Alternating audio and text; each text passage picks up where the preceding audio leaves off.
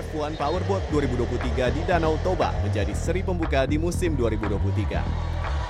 Event yang berlangsung selama dua hari ini adalah sejarah bagi Indonesia karena untuk pertama kalinya Indonesia menjadi tuan rumah bagi ajang balap kapal tercepat di dunia. Ajang balap kapal yang sudah ada sejak tahun 1981 ini terbagi dalam dua sesi, kualifikasi dan balapan. Sesi balap dimulai pada waktu 12 waktu Indonesia Barat, di mana Bartek Marzalek dari tim Stromoy Racing berada di posisi start paling depan. Ia terus melaju dan berhasil mendominasi balapan di lintasan sepanjang 2,2 km selama 18 putaran. Ia akhirnya berhasil mengukuhkan dirinya sebagai juara pertama dalam F1 Powerboat 2023 seri Danau Toba.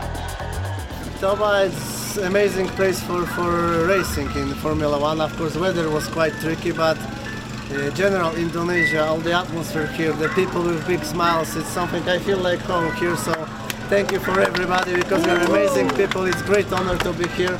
I would love to go back next year, and I, my dream is to have another victory here. This is my first victory in Formula One. And peringkat kedua dan ketiga disusul oleh Sami Selio dari Sharjah Team dan Eric Stark dari tim Victory. Piagam penghargaan kepada para pemenang diberikan langsung oleh Presiden Joko Widodo, Menko Marves Luhut Binsar Panjaitan, dan Menpora Zainuddin Amali.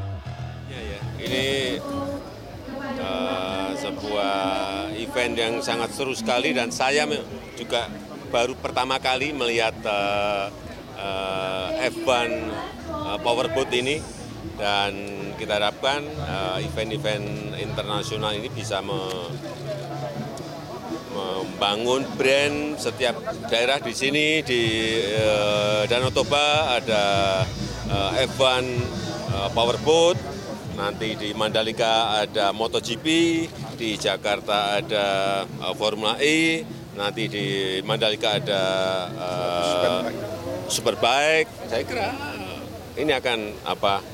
Akan men-trigger ekonomi di di uh, daerah. Sangat bagus sekali. Ajang balap F1 Powerboat ini tidak hanya berlangsung sekali saja di Danau Toba. Nantinya, ajang ini akan berlangsung selama lima tahun ke depan. Kegiatan ini diharapkan dapat meningkatkan ekonomi bagi warga sekitar. Tim Liputan CNN Indonesia, Toba, Sumatera Utara.